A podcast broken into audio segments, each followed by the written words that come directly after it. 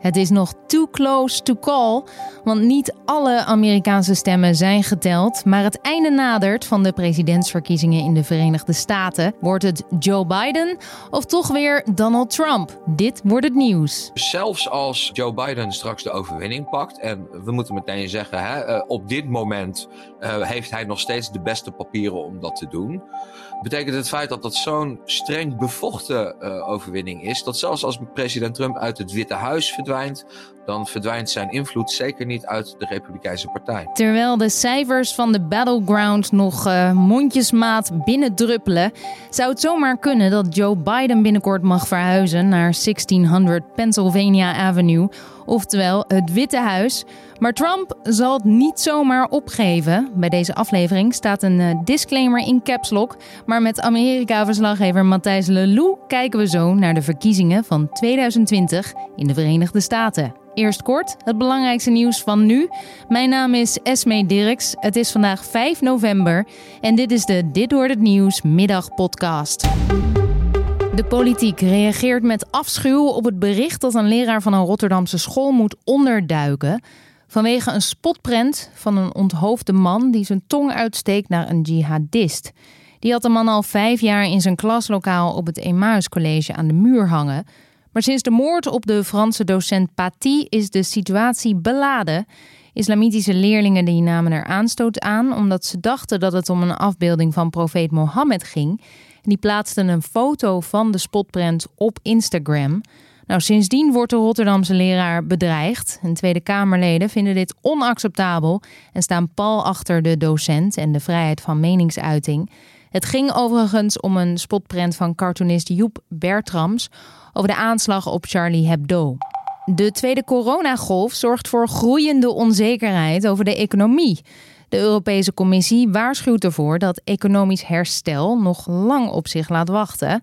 De prognose voor ons land is twee jaar maar liefst. En daarmee schetst de commissie een somberder scenario dan het Centraal Planbureau eerder deed. Die zei te verwachten dat de economie komend jaar zal groeien met 3,5 procent. Maar de commissie denkt dat het om 2,2% zal gaan. Tegelijkertijd wordt meer werkloosheid verwacht en dat zal langdurige effecten kunnen hebben op de arbeidsmarkt. Hashim Taci, de president van Kosovo, treedt af. En dat doet hij omdat hij vervolgd zal worden in het Kosovo-tribunaal in Den Haag voor oorlogsmisdaden en misdaden tegen de menselijkheid. Hij zou in de jaren 90 betrokken zijn geweest bij doden en martelen van honderden mensen als leider van het bevrijdingsleger. Dat eh, leger, het UCK, wilde onafhankelijkheid van Servië na het uiteenvallen van Joegoslavië. Dat lukte. Tsaatsi uh, riep de onafhankelijkheid in 2008 uit en werd premier van Kosovo. En in 2016 werd hij daar president. Hoofdimam Yasin El Fourkani van de Blauwe Moskee in Amsterdam stopt met vrijdagmiddag preken. De aanleiding zijn bedreigingen die zijn binnengekomen nadat hij zich uitsprak over wetgeving tegen het beledigen van de profeet Mohammed. Dit weekend doet El Fourkani aangifte daarvan, maar intussen is in overleg met het moskeebestuur besloten dat hij geen preken meer geeft. Die imam kreeg ook kritiek vanuit de gemeenteraad. En de afsluitdijk, ja, die zou in 2022 klaar zijn. Maar daar komen nog zeker drie jaar bovenop. Dat meldt minister van Nieuwenhuizen nadat er een ontwerpfout is ontdekt bij de spuisluizen. Door de vertraging zal de renovatie honderden miljoenen euro's duurder uitvallen dan de 550 miljoen euro die er al voor gereserveerd is. Daarover wil de minister zich nog niet uitlaten. 2025 is nu in elk geval de verwachting. Dan moet de dijk beter bestand zijn tegen zware stormen en natuurlijk de stijgende zeespiegel.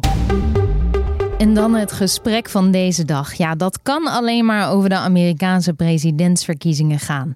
Het heeft er alle schijn van dat eh, Joe Biden de nieuwe president van de Verenigde Staten zal worden.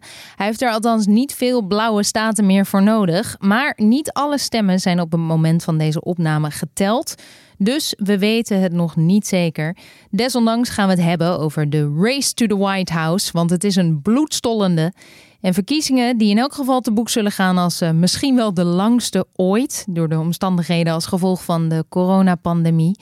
Met Amerika-verslaggever Matthijs Lelou van nu.nl kijken we naar deze derde dag van de verkiezingen in de Verenigde Staten. En we kijken eerst even naar de Amerikaanse media. Want uh, Arizona werd al gecalled door sommige media. Uh, anderen die durfden dat nog niet aan. Zijn ze het inmiddels eens? Uh, nee, nog niet. wat er aan de hand is, is het gaat vooral om de staat Arizona. Um, ja, weet je, ik zou er wel bij zeggen, het is een belangrijke swingstaat. Maar eigenlijk alle staten waar we nu naar kijken, dat zijn belangrijke swingstaten. Ja. Um, maar goed, AP, dat is die Associated Press en Fox News. Die besloten al redelijk vroeg om te zeggen, die staat die gaat volgens ons gegarandeerd naar Biden. Dus zij voegden ook de elf kiesmannen van Arizona toe aan zijn totaal. Terwijl andere media zeggen, um, nou jongens, dat is ons wel heel vroeg. Want het kan nog best spannend worden in Arizona. Dus die hebben de staat nog op onbeslist staan. Ja, op dit moment is daar 88% van de stemmen geteld. In, in welke staten zijn er verrassende uitslagen tot nu toe? Waar heb jij je als Amerika-verslaggever over verbaasd? Ja, dat is, gaat eigenlijk niet zozeer om, om specifieke staten als wel om uh, het beeld dat uh, werd geschetst door de peilingen vooraf en, en door de verkiezingsmodellen vooraf. Um, en, en ja, je kunt niet anders dan concluderen dat er toch weer uh, grote systematische fouten in, uh, in de peilingen zitten en in die modellen zitten. Dat was natuurlijk in 2016 ook zo. En we zijn natuurlijk daarna ook veel voorzichtiger geworden met peilingen. Het is ook niet zoals of wij dan als nu.nl naar zo'n peiling kijken en denken dat is een voorspelling. Dat is het echt niet. Uh, maar goed, het, het, beeld, het algemene beeld was natuurlijk op voorhand wel uh, dat de deskundigen zeiden van nou, Joe Biden die heeft zo'n beetje 90% kans om te winnen en president Trump 10%. Ja, we zien hoe ontzettend spannend het is en, en die 10% dat past daar gevoelsmatig toch echt niet helemaal bij. Ja, want uh, Trump staat er dus beter voor dan de peilingen uh, aangaven. Wat betekent dat dan? Uh, kijk, je had natuurlijk op voorhand het beeld al dat deze verkiezingen een referendum zijn over de afgelopen vier jaar Trump. Um, dat, dat draaide het eigenlijk meer om dan dat het een, een krachtmeting was tussen Trump en Biden. Het was gewoon van ja, wat vind je van president Trump? Ben je tegen hem? Dan stem je op Biden. Ben je voor hem? Dan stem je weer op hem. Mm. Um, dus maar wat je, wat je in ieder geval kunt zeggen, is dat het Trumpisme, dus, dus eigenlijk de manier waarop president Trump de Republikeinse Partij heeft overgenomen, naar zijn hand heeft gezet, uh, en de manier waarop die hele partij nu eigenlijk een beetje uh, uh, zijn denkbeelden uitdraagt, dat Trumpisme, wat, wat eigenlijk ehm, binnen de Republikeinse Partij, de oude partij-elite, zoals bijvoorbeeld de familie Bush, de McCain's, die zijn allemaal aan de kant geveegd. Um, en nu was het de vraag van ja, kijk, als de kiezer straks overtuigend afrekent met president Trump, zoals we op basis van die verkiezingsmodellen een beetje verwachten toch wel. Het feit dat dat niet is gebeurd, betekent ook dat dat Trumpisme nog springlevend is. Ja. Dus zelfs als uh, uh, Joe Biden straks de overwinning pakt, en we moeten meteen zeggen, hè, uh, op dit moment heeft hij nog steeds de beste papieren om dat te doen. Betekent het feit dat dat zo'n streng bevochten overwinning is, dat zelfs als president Trump uit het Witte Huis verdwijnt, dan verdwijnt zijn invloed zeker niet uit de Republikeinse Partij. Dat Trumpisme is, uh, is dus blijvend volgens jou. Als uh, Biden dan uh, die voortaan die politieke kar gaat trekken daar in de Verenigde Staten, dan ja, hij start ook nog eens midden in een pandemie. Wat krijgt hij dan allemaal op zijn bord? Nou, daar is nog een hele grote onbesliste vraag, namelijk wat gaat er met de senaatsmeerderheid gebeuren? Ja. En de Democraten die presteren niet alleen uh, onder de verwachtingen in de landelijke, uh, de, de, presidentsrace, maar ook in de race om uh, de Senaat en om het Huis van Afgevaardigden doen ze het slechter dan op voorhand werd verwacht. En het is op dit moment heel erg de vraag Um, eerder was de verwachting dat ze goede kansen hadden om de senaatsmeerderheid te pakken. Op dit moment is de verwachting dat er een goede kans is dat de Republikeinen die zullen weten te behouden. Nou, wat betekent dat als ze daarin slagen en Biden wordt president? Nou ja, we hebben het eigenlijk in de afgelopen vier jaar al een beetje gezien met een democratische meerderheid in het Huis van Afgevaardigden en een republikeinse meerderheid in de Senaat.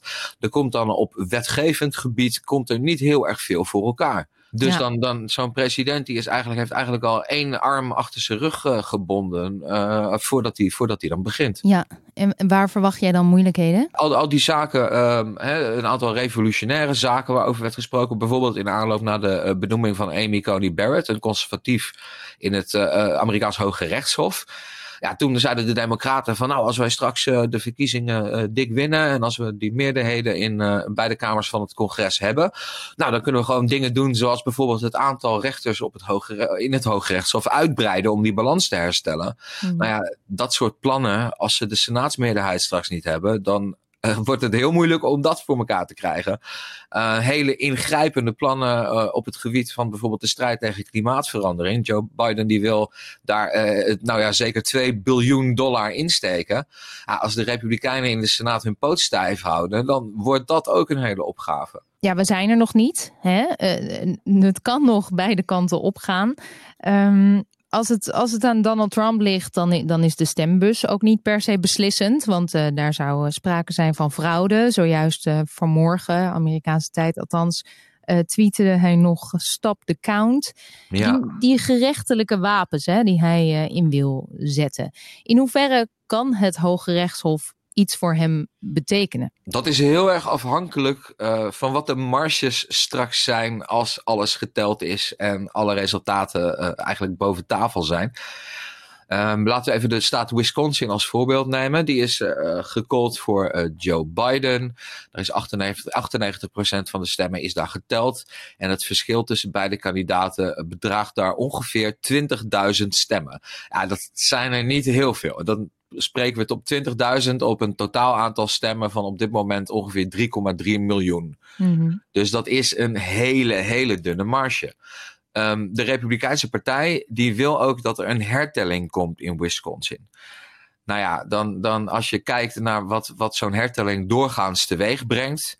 Ehm, president Trump die zegt van er is grootschalige fraude. Nou ja, daar zijn echt nog geen bewijzen voor. Dus dat is daar niet zo'n factor in. Dan gaan ze gewoon alleen opnieuw de stemmen tellen. Dan zou president Trump bij die hertelling dus een verschil van 20.000 stemmen goed moeten maken. En uh, als je kijkt naar hertellingen in het verleden, dan is de kans heel klein dat zo'n hertelling met een cijfer uh, uiteindelijk uh, op, op een cijfer uitkomt dat 20.000 stemmen verschilt van het eerdere cijfer. Dat wil niet zeggen dat er straks in andere staten geen ruimte is. Kijk, Pennsylvania, dat is een hele belangrijke swingstaat. Die heeft nog de meeste kiesmannen te vergeven van alle staten die nu nog niet zijn gecallt. Maar als de marge in Pennsylvania heel erg dun is, ja, dan valt er misschien links of rechts nog wel wat aan te vechten. Mm-hmm. De Republikeinen die zijn dus ook bezig om echt een, een nou, het is een vloot van rechtszaken, de ene na de andere te lanceren. Um, en, en dan is het uh, de vraag, ja, het is een beetje alsof je een handvol gekookte spaghetti uh, tegen de muur aangooit en dan uh, kijkt wat er blijft hangen. En wat zou dat dan betekenen voor de nabije toekomst en het al dan niet installeren van Joe Biden? Die rechtszaken die moeten een beetje vlot, want uh, uh, er zijn hele strakke deadlines. Dat zijn deadlines die zijn vastgelegd in de grondwet. En de belangrijkste daarvan is dat op 20 januari dan loopt de eerste termijn van president Trump af. Daar, dat valt niet te verlengen zonder de grondwet aan te passen. Nou ja, dat, dat, dat wordt hem echt niet. Uh, dus dat, dat is een harde. Dan is het gewoon klaar. Dan is president Trump geen president meer. Dus dan moet er een opvolger zijn. Als uh, de verkiezingen zo omstreden worden en als dat zo'n juridisch gevecht wordt dat die opvolger niet kan worden geleverd op 20 januari, dan wordt de voorzitter van het Huis van Afgevaardigden, die wordt dan president. Dat is op uh, dit moment de democraat Nancy Pelosi. Ja, dit, dit zijn gewoon harde deadlines. Dus dit, kijk, als, we, als we het op 20 januari nog niet weten, dan gaat dat gebeuren. Maar in eerste instantie hangt het af van of een rechter überhaupt meegaat in een onderzoek naar uh, de telling. Zoals hij nu is. Um, ja, die, die blijven niet allemaal, die, die zijn niet allemaal levensvatbaar. Nee. Dus de strategie aan de Republikeinse zijde, kijk, ze hebben het beeld een beetje tegen, want Joe Biden heeft gewoon nog steeds de beste papieren. Uh, president Trump heeft al maar een beperkt aantal mogelijke routes naar het Witte Huis. Dus de, ze zijn nu echt bezig om uh, eigenlijk met een, een hagelgeweer om zich heen te schieten. En um, ja, je weet niet langs welke weg het misschien toch zal lukken om uh, een uitslag aan te vechten als die in het voordeel van je tegenstander is. Ja, het lijkt wel een beetje een uh, wanhoopsdaad, of niet? Bronnen uh, binnen het Witte Huis die iets zeggen dat er uh, in het team van de president toch langzamerhand ook wel een gevoel van berusting is. Hè, dat het misschien uiteindelijk niet de kant op gaat die zij willen. Um, maar ja, uh, zolang er een mate van onzekerheid is. We weten dat uh, president Trump, die zal tot uh, de laatste bittere snik zal die doorvechten. En zolang hij daar nog routes voor heeft, dan zal hij die zeker blijven benutten. Ja. Um, en dan is het de vraag of op een gegeven moment, hè, stel Joe Biden die wint het, stel daar valt niet zoveel op af te dingen, dan is het de vraag of er een moment komt waarop de Republikeinse Partij tegen president Trump zegt, luister Donald, we weten het. We weten dat je graag positief wil blijven en graag wil doorvechten, maar we zien het niet meer. Geef je over, ja. Ja, dus dat, ja, het, het, het is aan alle kanten is het, uh, is het afwachten. Ja, de, de, de Republikeinse Partij, uh, je zei het net al, het Trumpisme, daar is de partij nu um, min of meer doorgetekend. Daardoor is uh, de partij misschien de afgelopen vier jaar buiten de eigen tradities getreden. Hoe zal die partij er na Trump, hypothetisch gezien, uh, uit gaan zien? Nou, er, zijn een aantal uh, stromingen binnen die partij. waarvan het, het, ja, goed, het Trumpisme, dat is natuurlijk een, een hele sterke nu. En die blijft waarschijnlijk ook. Um, er waren ook wat andere jonge talenten, om ze maar even zo te noemen. Zoals bijvoorbeeld VN-ambassadeur Nikki Haley. Die weer iets terugstuurde naar een meer gematigde Republikeinse partij. Dus meer zoals we hem kenden voor 2016. Maar kijk, als het echt heel close wordt en als het Trumpisme inderdaad springlevend blijft, dan hebben kandidaten zoals uh, minister van Buitenlandse Zaken Mike Pompeo, nou, dat is echt een, een Trump-loyalist, die hebben dan uh, meer kans om uh, eigenlijk de leiding over te nemen. En uh, mogelijk is er ook nog een rol weggelegd voor de oudste zoon van de president, Donald Jr. Want die is aan uh, ultraconservatieve zijde, of aan, aan hè, Trumpistische zijde uh, van de partij, is die ook heel erg populair. En heeft hij ook hm. in de afgelopen jaren aardig aan zijn imago gebouwd. En na deze Amerikaanse verkiezingen van 2020 Waar zal um, de analyse ervan zich op richten, denk jij? Wat zijn de interessante tendensen of uh, uitslagen, bijzonderheden waar onderzoekers en politieke analisten graag op zullen willen inzoomen, verwacht jij? Dat blijft, denk ik, de grote politieke verdeeldheid in de Verenigde Staten. Um, dat, dat, dat het weer zo ontzettend close is geworden uh, na vier jaar van, nou ja, het, is, het is gewoon een van de controversieelste presidenten uit de Amerikaanse geschiedenis. Uh, wat je persoonlijk ook van zijn uh, beleid en zijn aanpak denkt. je kunt niet ontkennen dat er bijzonder veel discussie is geweest rond de manier waarop hij dingen aanpakte. En, en ja, er staat toch een groot deel van de bevolking staat uh, als een blok achter Trump. En een heel groot deel van de bevolking is, uh, kan hem niet luchten of zien. Een tweede punt is dat uh, de, de eigenaardigheden van het Amerikaanse kiesstelsel, ja, die zullen ook de gemoederen blijven beheersen. Mhm. Want je kunt er ook niet omheen dat, uh, stel dat uh, president Trump er toch in slaagt om zijn herverkiezing te winnen, dan is dat weer met een, een grote minderheid van de stemmen. Dan, dan heeft zijn tegenstander nog steeds miljoenen meer stemmen gekregen dan Trump. En zelfs ja. als Joe Biden wint, uh, ja, als je dan kijkt naar die landelijke stemmenkiesmarge, dan zou je je kunnen afvragen, ja, waarom is dat nu eigenlijk dan dagenlang nog zo ontzettend spannend? Dat komt door dat systeem met die kiesmannen, waarin kleinere staten uh, ja, grofweg meer te zeggen hebben dan grotere staten. Uh, de stem van een inwoner van Wyoming, dat ongeveer 500.000 inwoners heeft, telt ongeveer 67 keer meer dan de stem van de inwoner van Californië, waar miljoenen mensen wonen. Ja, dus ook daar zullen, zal weer naar gekeken worden na deze verkiezingen. Ja, en, en het, uh, uh, het bittere daaraan is dat, dat je kunt daar wel over praten. En uh, je kunt wel zeggen van nou, misschien moeten we daar eens een keer naar kijken of dat nog wel representatief is. Maar tegelijkertijd zit het politieke systeem zo vast dat het heel onwaarschijnlijk is dat ze alle neuzen in dezelfde richting krijgen om bijvoorbeeld wat hervormingen door te voeren daar. Dat was Amerika-verslaggever Matthijs Lelou over de Amerikaanse presidentsverkiezingen. En dan het weer. In sommige plaatsen zagen we een blauwe lucht en de zon die scheen geregeld. Op wat regen in het noorden is het droog met temperaturen van rond de 11 graden. De wind waait matig en dat blijft zo vanavond, maar er ontstaan ook wolkenvelden en uh, mist. Tijdens opklaringen koelt het land inwaarts af, dus uh, het wordt koud vannacht. Met graden net iets boven de nul is er kans op lichte vorst ook. En vrijdag maken de mist en de wolken geleidelijk weer plaats voor zon. Eerst in het zuiden en daarna ook in de rest van het land. Het wordt dan opnieuw 11 graden. En dit was de middagpodcast van nu.nl. De Amerikaanse verkiezingen, ja, die spannen er nog om. Op het moment van de opname had Amerika nog geen president.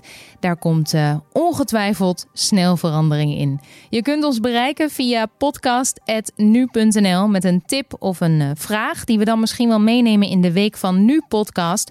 Dus uh, podcast.nu.nl. Mijn naam is Esme Dirks en ik wens jou nog een hele fijne avond.